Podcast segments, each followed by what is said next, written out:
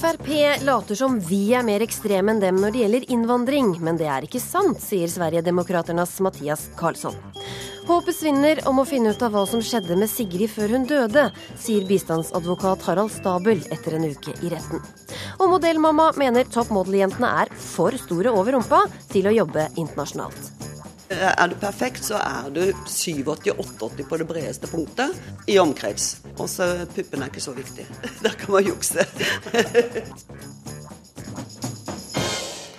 Dette er nå det vi skal ta deg med på den neste timen her i Ukeslutt. Jeg heter Linn Beate Gabrielsen. Yes, love us or hate us, but do it for the right reasons, not the false ones.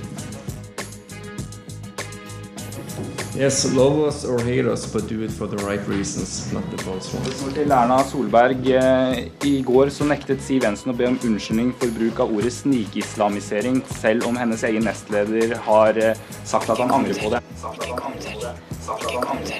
Mener du at hun bør be om unnskyldning? Men det har jeg ingen kommentarer til. Yes, love us or hate us, but do it for the right reasons, not the false ones. Denne uka kalte Frp inn den internasjonale pressen på teppet for å stramme dem litt opp og gi dem en lekse om FrPs politikk og hvilke partier i Europa de ikke ville bli sammenlignet med. En av dem er Sverigedemokraterna, et parti som vil begrense innvandringen til Sverige, som stiller seg bak asylretten, men som helst vil hjelpe asylsøkere i deres egne nærområder. Jeg har snakket med Mathias Karlsson, riksdagsmedlem for Sverigedemokraterna, om forskjellen på deres politikk og Fremskrittspartiets. Når det gjelder värdefrågorna så, så ser jeg inga jättestora skillnader egentligen med tanke på at vi ändå vi, vi tillhör två olika länder så der finns det alltid skillnader men i de ideologiske utgångspunkterna når det gjelder innvandrings- og integrasjonspolitikken, kulturpolitiken, kriminalpolitiken, seniorpolitiken, forsvarspolitikken, biståndspolitiken med mera, med mera så, så, så, så tycker jag att vi har väldigt likartade grundläggande uppfattningar. Den stora skillnaden mellan oss och FRP ligger i ekonomiska frågor. Där de är mycket mer liberala än vi är och där vi har en, mycket mer av en mittenposition och en kanske tydligare social dimension i vår politik. Hva slags eh, forhold har eh, dere da med Frp?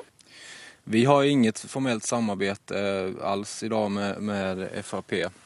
Och det beror ju i första hand på att, eh, på att FRP absolut inte vill, ha noe samröre med oss. Eh, Det tror jag beror på strategiske avväganden som man har gjort, eh, i, i Norge. Eh, Men eh, det har ju funnits kontakter informellt så att säga, på lokal nivå ganske länge. Där olika lokala företrädare för oss har besökt lokala företrädare för FRP och så. Jag har själv också varit i Oslo och, och träffat personer som jobber for FRP på, eller som er virksomme innom FRP på riksnivå på, i, ja, i Oslo. Då.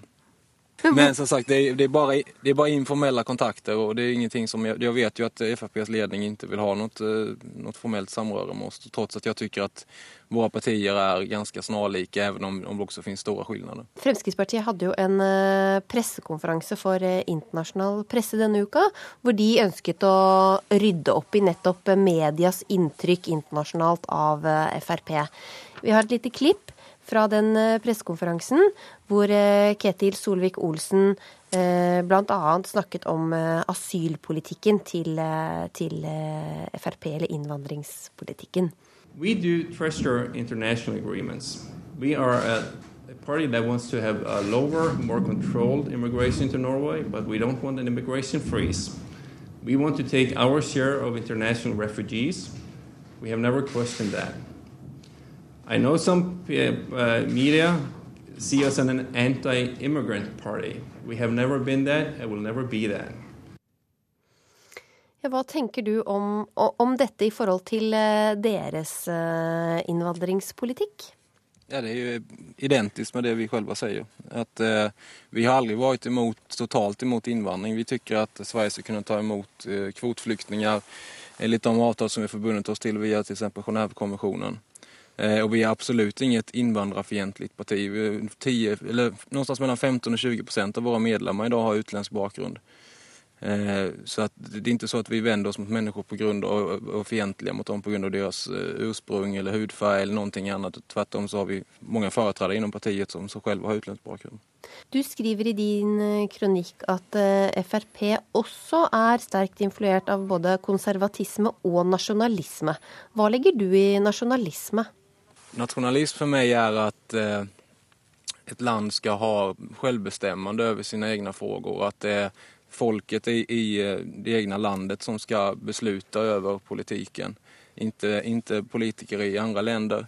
Eh, jag lägger också i det att, att man försöker att på något sätt vara stolt över å bejaka sin nationella särart när det gäller historia, kultur och traditioner och sådana saker att man är rädd om det.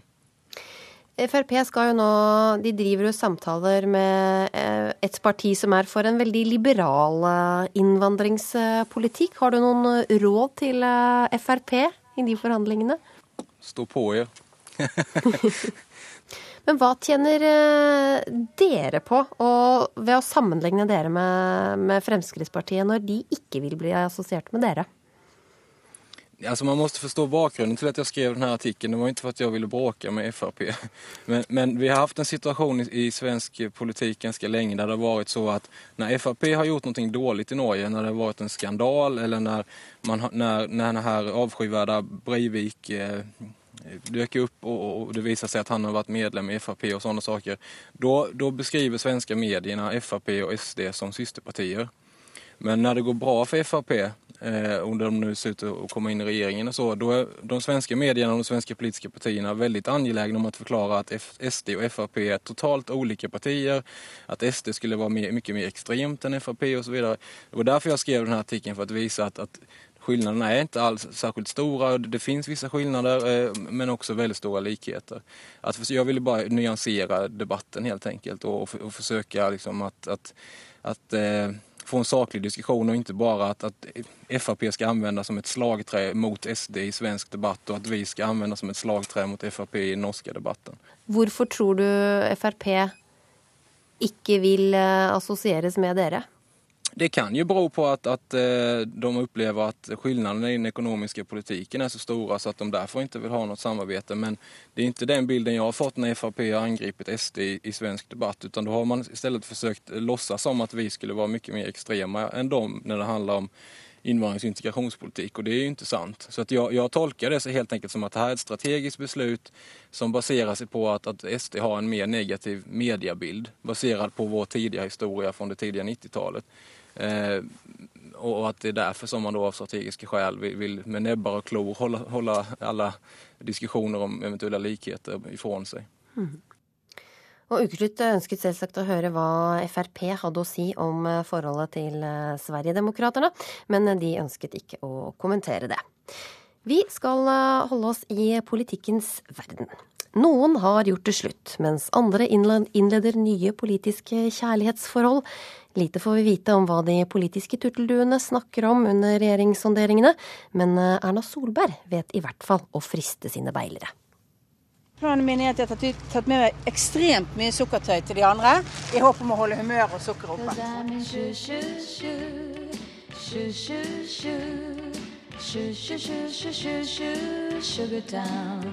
Vi la merke til i dag tidlig at én eh, bærepose med godteri var blitt til to, så her fylles det på med sukker og, og energi for å holde trykket oppe.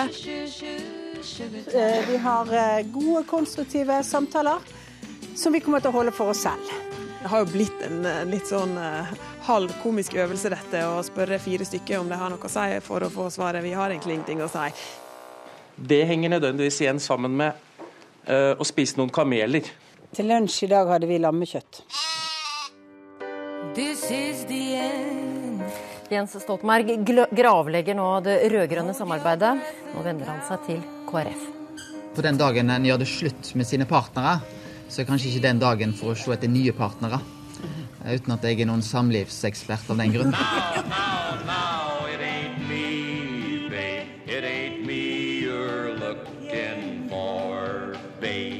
vi har fremdeles fast følge. Og det, det er sånn i alle forhold at det er alltid noen som vil prøve å ødelegge.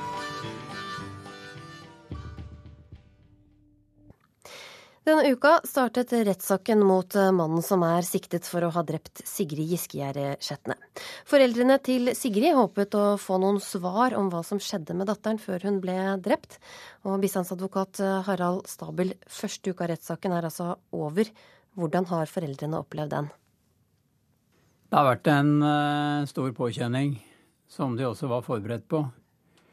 Uh, og nå er det jo da denne uka ferdig. Uh, den var viktig for dem, særlig med tanke på tiltaltes forklaring, som jo varte nesten i tre dager.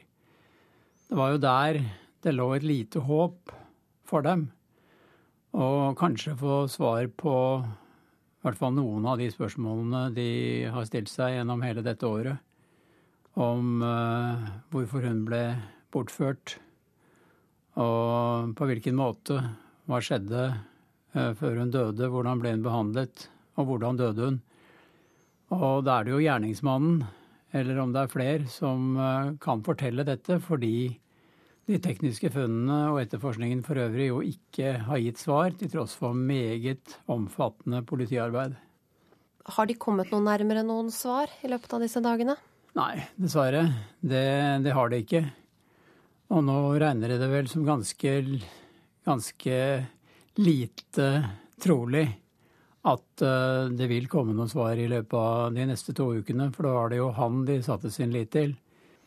Du prøvde jo å appellere til tiltaltes uh, samvittighet.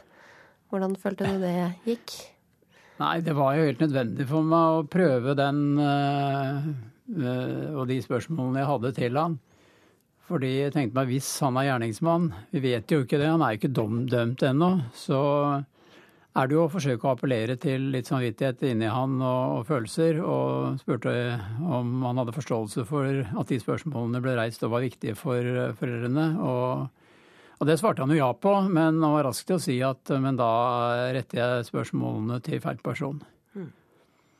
Han, han, så jo også foreldrene til Sigrid rett, rett i øynene, som jeg har forstått, og sa at han aldri i sitt liv har tatt livet av noen med, med vilje.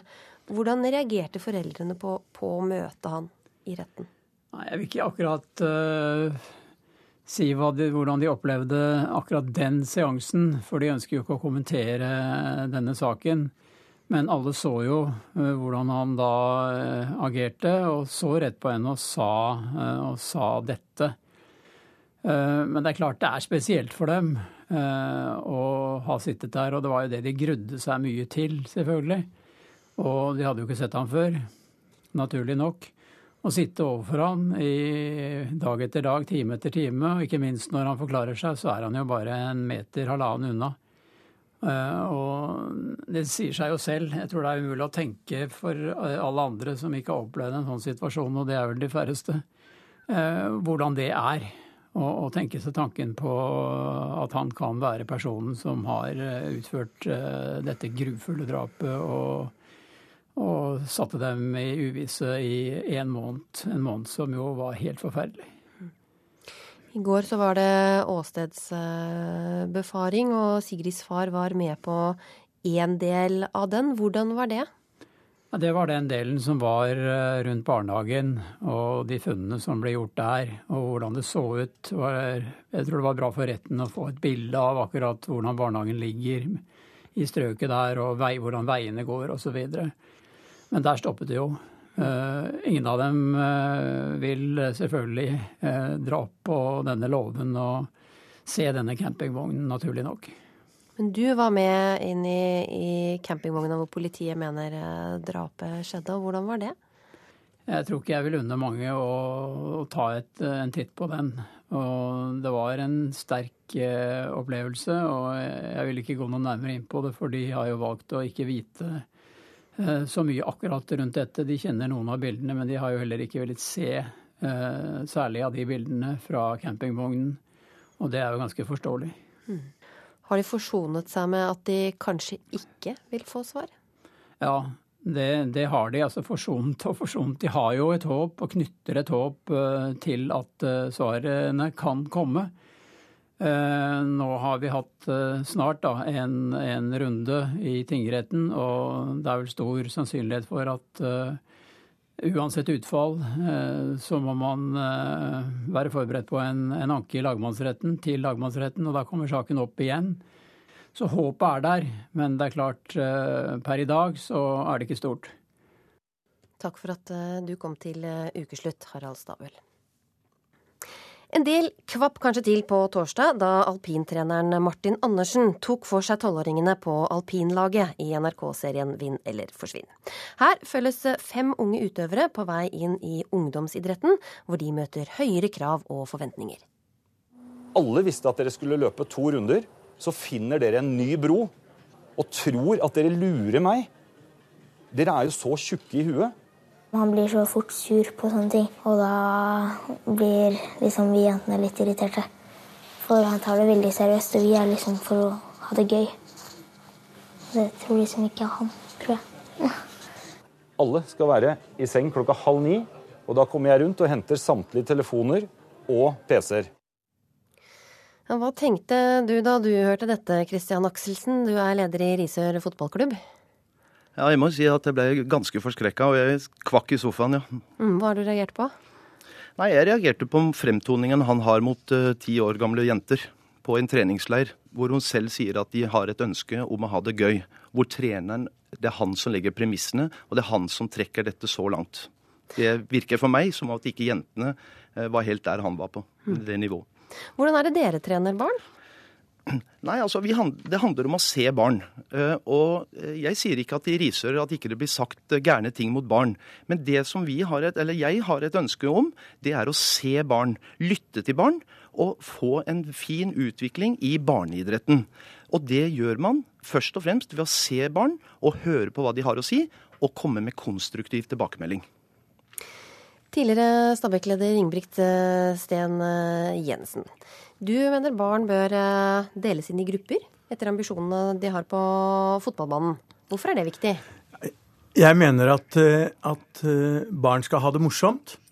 Det er det viktigste. Og kan det, det, Og det kan de ha på ulike måter. De kan ha det ved at alle trener sammen. Enten de er gode, ikke fullt så gode, enten de vil trene fem dager i uka eller én dag i uka. Men det kan også gjøres ved å si at det som er morsomt, er å få utfordringer på ditt eget nivå. Det er å bli, få muligheten til å utvikle seg og strekke seg. Og at eh, det blir best for alle, på et eller annet tidspunkt i hvert fall, at de som har lyst til å trene én gang i uka, trener med andre som har lyst til å trene én gang i uka. Og de som har lyst til å trene fem ganger i uka, trener med andre som har lyst til å trene fem ganger i uka. Det er det som i skolespråket heter tilpasset undervisning. Altså at man ser det enkelte barn og gir det utfordringer i forhold til sine ambisjoner og sine evner og sin lyst. Eh, og det tror jeg er eh, en utmerket måte å gjøre det på i idretten, men ikke den eneste. Eh, sånn at her er ikke jeg ute etter at alle må deles inn fra de vi er åtte år. Like Men hvor lite, tidlig syns du det, man bør begynne med det, da? Jeg, jeg synes ikke det er noen, jeg mener at det ikke er noen, noen helt spesifikk aldersgrense for det. Om, om hvis Magnus Carlsen ikke hadde fått lov å spille sjakk mot gode sjakkspillere da han var åtte år, så hadde han aldri skulle spille om verdensmestertittelen i sjakk nå. Hvis folk hadde sagt nei, du skal spille ludo til du er tolv, så hadde løpet vært kjørt. Eh, det samme gjelder folk som er flinke på fiolin, eller folk som er flinke til å danse. Det er liksom bare i idretten eller, og i hvert fall i lagidretten, da, at det ikke skal være lov å, å si at utfordringer på ditt nivå, det er bra for alle. Hva tenker du om det, Akselsen? Jo, jeg er helt enig. og Det, det, det er sang i, i, mine ører, Ingebrigt, det du sier der. Fordi at det handler nettopp eh, og ikke misforstå meg, eller misforstå meg rett nå. Det handler ikke om å reindyrke eh, bredden. Vi skal se alle. Har du lyst til å bli god og spille fotball i Risør, ja, så har vi mekanismer for det. For da, kan du få lov til å spille mot den gutten, eller årstrinnet over. Men dere vil likevel ikke dele inn i grupper? Nei, for at, uh, i breddefotballen, da, og for øvrig all idrett i Norge, det er basert på små uh, byer som Risør, uh, f.eks. Og der kan man ikke velge og vrake i, i antall barn som er med i en idrett. Uavhengig av Nå snakker jeg for fotballen. jeg kan ta et eksempel. Eh, på 2000-laget, da, som har jobba veldig veldig bra med den gruppa, de er 15 gutter. Eh, vi har en hospiteringsordning hvor gutter på 2001 får lov til å prøve seg. Og de guttene som har lyst til å være med på 2000-laget, de blir også tatt med på trening og i kamper. Så de får en utfoldelse ved at de får lov til å spille mot noen som er bedre. Men det er viktig som lag, da, hvis vi har en liten by, at vi bygger også laget. For til slutt, hvis de bare skal rendyrkes som beste og skal spille opp, ja, så har man ikke noe lag som er stammen i sitt årsgruppe. Det er viktig å se alle. Du skal få lov til å trene så mye du vil, og du skal få lov til å utfordre det ved at du møter gutter som er litt større, som er litt raskere, og så skyter litt hardere. Men må man møte på alle treningene, da? Nei, ikke nødvendigvis. For i idretten det er en kjensgjerning. Hvorfor droppe barn ut av idretten? Jo, jeg tror det er rett og slett at det stilles for store krav tidlig. Eh, vi har et ønske om at alle skal være med flest, lengst mulig. Og ut ifra det så, så føler jeg at når vi ser hver enkelt, så skal de få lov til å holde på med andre idretter, ikke bare fotball. For det at allsidighet er også viktig i forhold til koordinasjon og stimulering også innenfor dette med eh, læring på skolen. Mm. Men Ingebrigt Sten Jensen, dette med krav. Hvilke krav kan man eh, stille til barn, da? Ja, man kan i hvert jeg, jeg tror at han Eh, fra Arendal. Nå husker jeg dessverre ikke Jeg er så opptatt av meg sjøl, så jeg husker ikke hva han heter. Men det er veldig mye fornuft i det han sier, og det kan godt hende han har rett i at noen barn dropper ut av idretten fordi det stilles for store krav for tidlig. Men, er det, greit å Men det, er veldig mange, det er veldig mange som uh, slutter med idrett fordi det stilles for små krav for lenge. Eh, det å stille krav til barn er ikke noe overgrep. Det er blitt sånn i Norge at vi tror at barn må ikke stilles krav til, for da kan de bli lei seg. Men, men å stille krav, det er, det, er, det er å ta folk på alvor.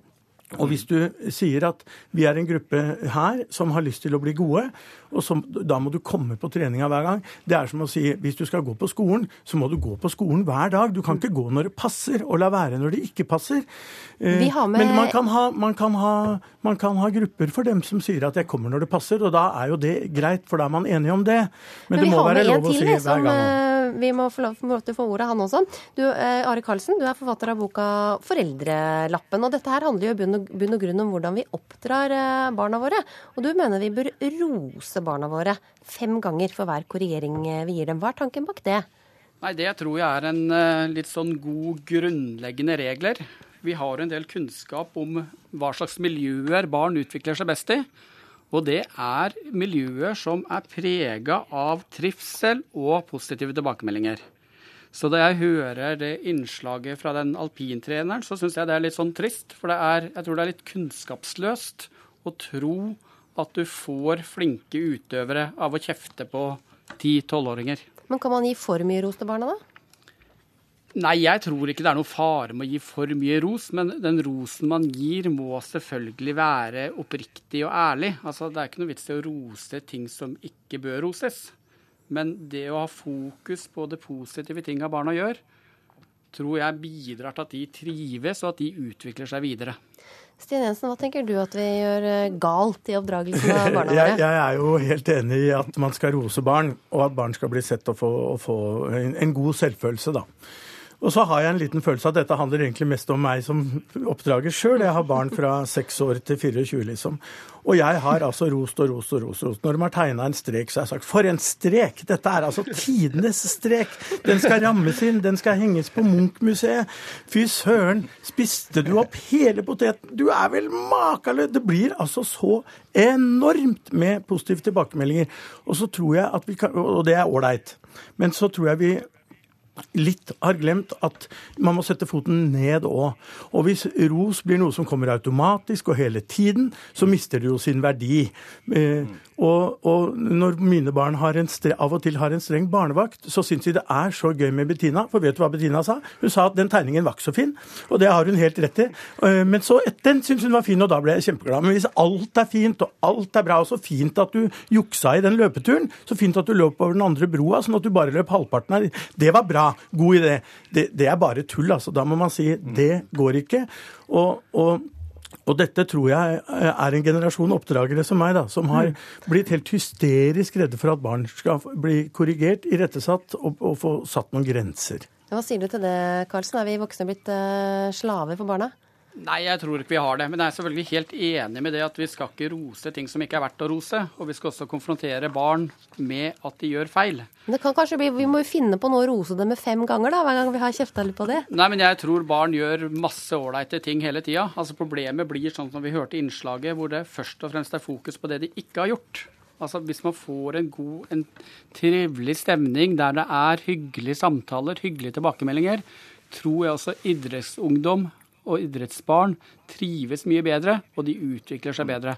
For mye negativt tror jeg bidrar til det vi ikke ønsker, at det flere barn faktisk dropper ut. Det er, det er helt enig i. altså For mye negativt er dumt. Og, kanskje, og, kanskje, var det sånn når jeg var liten at det var mye korrigering og lite ros. Men tror du på nå, fem ros for en korrigering? Jeg tror ikke det er et regnestykke, i hvert fall. Og jeg tror, at, jeg tror at det er mange som meg som eh, er blitt hysteriske, ukritiske rosere av alt og ingenting.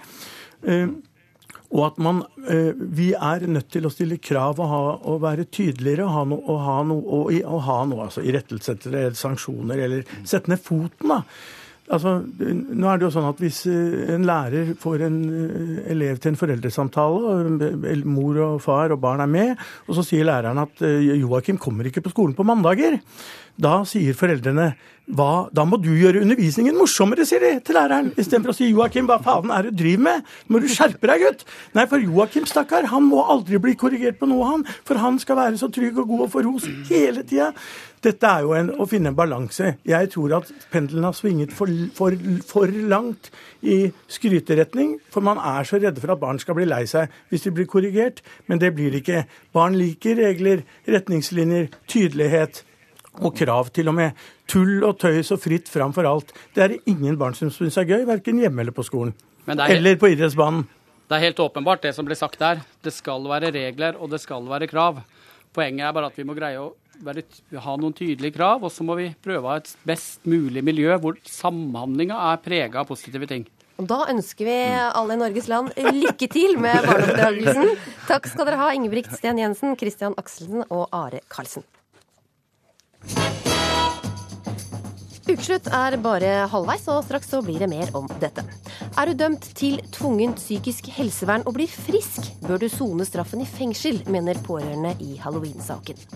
Toppmodell Siri Tollerød er provosert over modellmamma, som sier norske jenter er for stor over baken til å lykkes internasjonalt. Og det er lang kø for å besøke den utbombede høyblokka i regjeringskvartalet i dag. Er du dømt til eh, tvungent psykisk helsevern og blir frisk, bør du sone straffen i fengsel. Det mener pårørende i halloween-saken, Asgeir Knutsen. Han syns det er vanskelig at han som drepte faren til barnebarnet hans, ble dømt til tvungent psykisk helsevern. Du ser jo mange som er, eh, er syke, psykisk syke, som er ute på gatene. Og jeg kan, det, jeg kan, tenke meg at det går et års tid, så er han ute blant oss andre. Da, man ikke, da har man ikke tatt ansvaret det er å ta livet av et annet menneske. Asgeir Knutsen har satt ord på det mange pårørende føler når en drapsmann dømmes til psykisk helsevern. Det er som et skuespill, et stykke. Og det, du er eh, som pårørende eller offer, så er du kun en statist for å det var du som tilfeldigvis var offeret. Og så ferdig med deg, så går vi videre. Og hovedpersonen er den som har gjort det. Og, den, ja, i en sak hvor det er med sakkyndige, så er det, er det dens eh, gjøren og laden og syke og ja, you name it, som er tema, og kun det. Jeg føler at det er domstolen, som jeg skriver i den kronikken, har krepet opp i lomma på, på de hvite frakkene. En mann i begynnelsen av 20-årene ble drept og en annen alvorlig skadd i et knivdrama på Bislett i Oslo i natt. Dagsrevyen forteller om det som etter hvert skal få tilnavnet halloween-drapet. Vi advarer mot bilder som kan virke støtende. Bildene viser blodsprut på veggene etter at en mann gikk berserk med kniv og drepte en kamerat og skada en annen. At et, at et menneske uh, blir, som ligger og sover uh, Eh, stille og rolig med ryggen til og bli brutalt stukket ned med kniv. Det er, det er, bare så grusomt. Og det er ikke hvilken som helst kniv. Sant? En kjempestor kjøkkenkniv. Så, så kan man se for seg de bildene. og det er, eh, det er forferdelig å tenke på. En uforståelig hendelse for de som kjente ham, og mannen som nå er siktet for å ha tatt livet av sin kamerat. Drapsmannen må ha vært psykotisk i gjerningsøyeblikket, mener rettspsykiaterne. Men de var uenige om psykosen ble utløst av hasjrøyking, eller om den skyldtes akutt schizofreni. Det endte med diagnose, og dermed ble det ingen fengselsstraff. I denne saken her hvor gjerningspersonen da blir dømt utilregnelig, eh, samtidig som vi vet at eh, psykiaterne ved Dikemark har skrevet ut vedkommende som frisk, så tenker jeg at det er en illusjon. For da er jo vedkommende frisk, og skal en frisk person da behandles? Det er jo et overgrep i seg sjøl. Så jeg skjønner ikke logikken i systemet. Den er ikke der. Asgeir Knutsen klarer ikke godta dommen. Og plutselig en dag så, så går vi på gata, så møter vi, møter vi morderen fri. Sant? Og det er, eh, og det, jeg, jeg, føler på meg at det, sånn kan det ikke være. Hallo, det er én trapp ned. OK. Psykiater Randi Rosenquist har i flere tiår stilt diagnose på drapsmenn.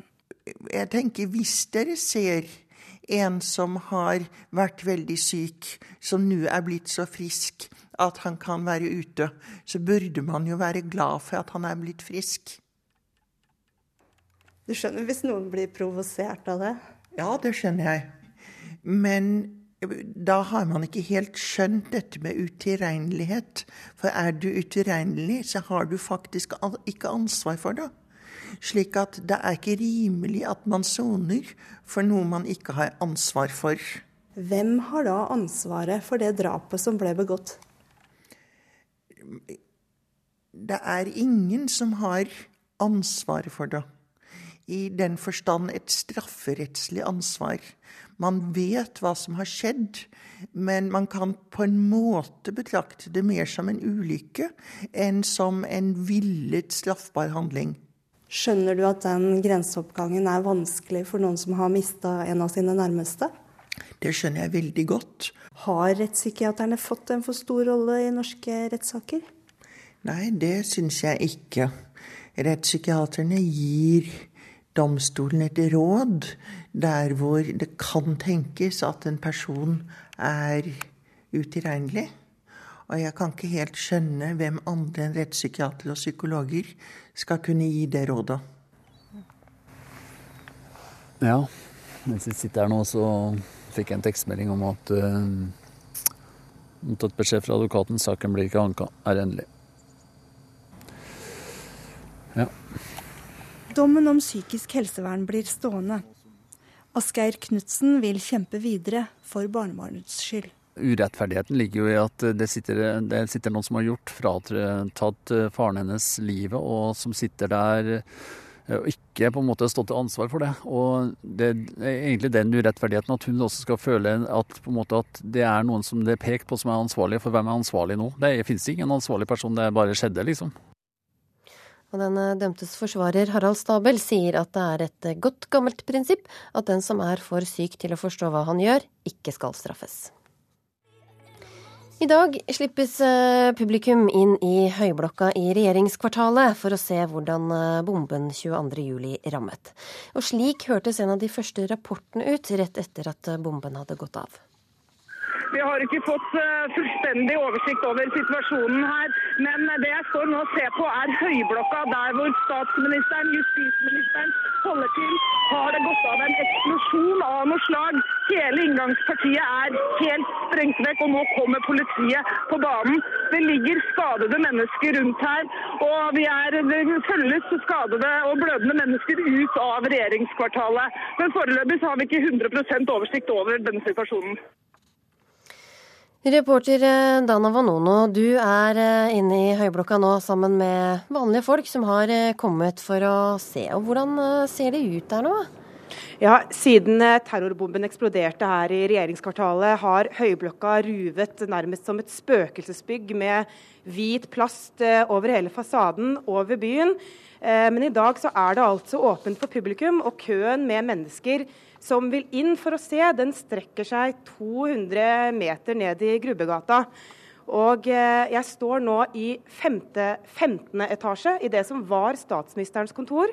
Det er ikke veldig vanskelig å bli preget av det synet man blir møtt med her. Her kan man se rett inn i tomme, mørke heissjakter. Absolutt alle vindusglassene har blåst bort. Branndørene av stål har blitt klemt borti veggen som eh, følge av det voldsomme trykket. Betongveggene er bare, store malingsflak flasser av, lettveggene er borte. Ja, man går rundt i store, åpne sår, eh, rett og slett. Og jeg har fått med Jon Hestnes, du er medlem i støttegruppa for de som var i regjeringskvartalet. Hvordan er det å stå her i dag? Nei, altså Det er like tøft som det har vært i to år nå å være inne i dette bygget. Jeg jobber jo i regjeringskvartalet, så jeg er jo veldig ofte inne i dette bygget. og Man får en, en backlash hver gang man kommer inn her. Og bl.a. som du sier, når man ser de her tomme skallene, heissjakten som går 15 etasjer ned her. og Nei, det, det er ikke noe godt å være her. Det er det ikke. Hvordan ser det ut her nå sammenlignet med da bomben smalt 22.07. for drøye to år siden? Ja, Nå har de jo tømt hele høyblokka. Det er bare et skall vi står i nå, hvor etasjene er intakte. Men eh, til forskjell fra 22.07, hvor det var, ja, det var nesten, vi kom ikke inn i bygget i det hele tatt pga. Alt som var ødelagt og ting som lå i veien og de store skadene. Så de har gjort en, en, en veldig stor jobb med å rydde hele bygget. Det har de gjort. Og det gjelder jo også de andre byggene i kvartalet som ble skada. Så det er bare tomme skall nå i forhold til hvordan det var før. Eh, nå er det åpent for eh, folk flest. Hvordan er det å gå rundt i korridorene her med, med folk som ser dette for første gang? Jo, det var litt rart. Og jeg syns personlig også det var litt rart at det var så enormt mange som hadde interesse. Når jeg kom hit i dag, så var eh, køa, som du sa, langt oppover i Grubbegata, forbi brannstasjonen, for en som vet hvor den er her oppe. Og eh, Det overraska meg litt. Det er jo tross alt eh, Oslo Maraton i dag òg, men allikevel, det var enorm interesse. Og det, det, er litt rart å se folk gå rundt og titte og ta bilder. og Ja, det, det er litt rart. Jeg har med meg Lisbeth og Torunn. Dere bestemte dere for at dere hadde lyst til å ta en eh, kikk rundt her. Dere har ikke jobba i regjeringskvartalet. Hvordan, hvordan, er det å gå rundt her? Hva, hvilke tanker gjør dere dere? Eh, jeg tenker at eh, for meg nå så handler det veldig mye om bevaring eller ikke bevaring. Og jeg tenker at dette er et eh, Jeg er født i 1950, og for meg så er dette litt av min historie. Og min politiske historie også. Og det sitter bokstavelig talt i veggene. Med den kunsten til både arkitekten og og Nesjar og Picasso. Så det var eh, Jeg ble veldig eh, overbevist over min egen holdning til bevaring etter at jeg har vært her inne. Det, men eh, det med 22.07 er fortsatt veldig ubegripelig for meg. Hvilke tanker gjør du deg når du går rundt i disse tomme, mørke korridorene? Nei, Jeg er veldig berørt, og jeg tenker at her har det vært et uh, hverdagsliv med folk og, som har jobba, arbeida og, og, stått på, og ser det nå. Uh, og så er det den andre siden som er den som er nevnt, arkitektoniske. Tidsånden som jeg selv er en del av osv. Men, men det berører meg sånn følelsesmessig. og jeg... Uh, på hvilken måte da? at Nei, jeg forestiller meg jo det forferdelige kaoset som har vært og oppsto. Og um, tragedien, rett og slett. Få den på en måte så sterkere innpå seg da, når du er her og ser. Selv om det nå er rydda og, og for så vidt andre ser sikkert annerledes ut enn det gjorde. Men jeg, nei, det det er viktig å ha sett det og kjent på det, tenker jeg. Ja, og Hvis du er i Oslo eh, i dag eller i morgen, så har du altså muligheten til å eh, ta turen inn i Høyblokka og se hvordan det ser ut etter at eh, bomben gikk av her 22.07. Takk skal du ha, reporter Dana Vanono. Og nå skal vi puste ut litt og gjøre et langt sprang i temaet. Modellmamma Eivor Øvrebø terger på seg toppmodell og programleder Siri Tollerød. Hun mener jentene i TV-programmet Toppmodell er for store over baken til å gjøre en internasjonal karriere på catwalken. Men den bikinien din ser jo ikke ut. Hvordan kjennes det å komme så her inn for oss i juryen? Er nervøse? Du er jo ganske tynn. Har du alltid vært så tynn? Toppmodell Norge er i gang. Welcome, welcome, welcome. De går jo inn der med åpent sinn, men det er jo ingen som da har sagt til dem at du er så stor at selv om du vinner, så er sjansene dine små. Tilsynelatende slanke og flotte, men modellene i norske toppmodell er for breie over baken. Vinneren er ikke en modell som kan jobbe internasjonalt pga. størrelsen. Eivor Øvrebø driver Team Models og har 45 års erfaring fra modellbransjen. Hun mener jentene i TV3s Top Model og norske jenter generelt er for bredbygd til å gjøre det skarpt internasjonalt. Det syns jeg er å lure de jentene. De er ofte for store. De som har vært hittil, har vært det. De har ikke kjangs. Jeg må si, altså sånn fashionmessig så syns jeg det var grusomt antrekk. Siri? Hei, så hyggelig. Hvordan er det med hilser i modellverdenen? Sånn? Jeg synes det er helt bak mål, rett og slett. Siri Tollerød er Norges mest kjente modell. I en årrekke har hun bodd i New York og gått modell verden over. Nå har hun omsider flyttet hjem, bl.a. for å være programleder i årets utgave av Top Model.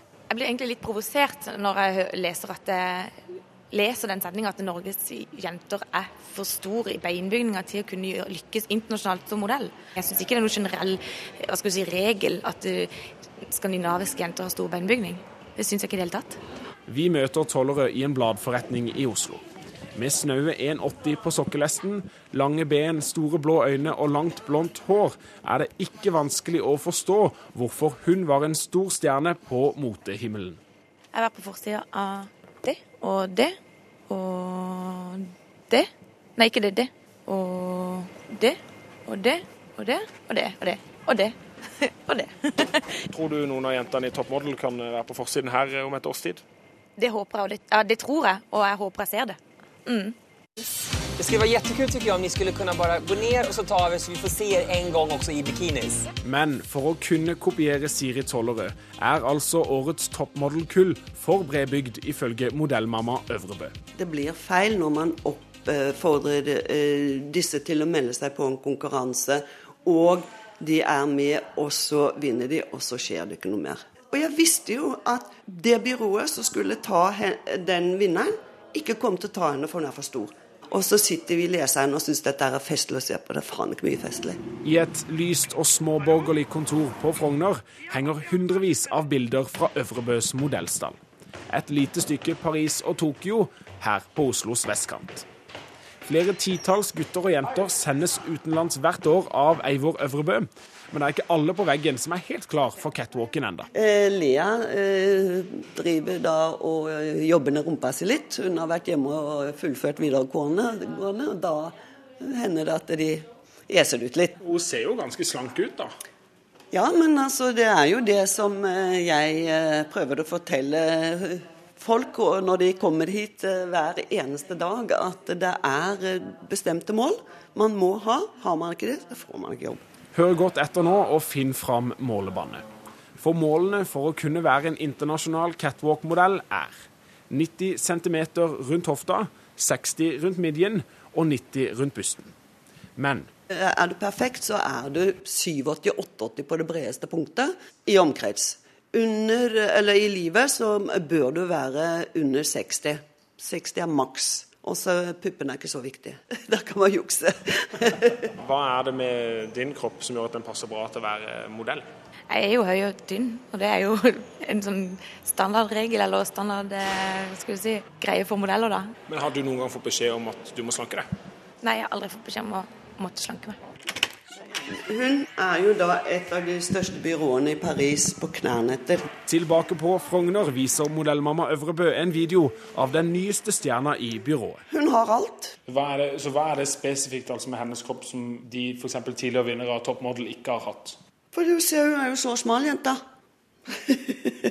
Hva er målene hennes over bakken? 88 eller 89? Hvor gammel er hun? vet du? 16. Alt dette kroppssnakket påvirker selv Ukeslutts mest beskjedne reporter. Blås nå i jenta på videoen. Kanskje er det jeg som er den nye Siri Tollerød. Hva trenger jeg, eller hva mangler jeg for å kunne bli modell? Du mangler alt. en kar eller gutt eller mann, han skal være en 48-50 størrelse. Han bør være mellom 1,85 og 1,87-88. Hvor høy er du? 1,81. Ja, nemlig.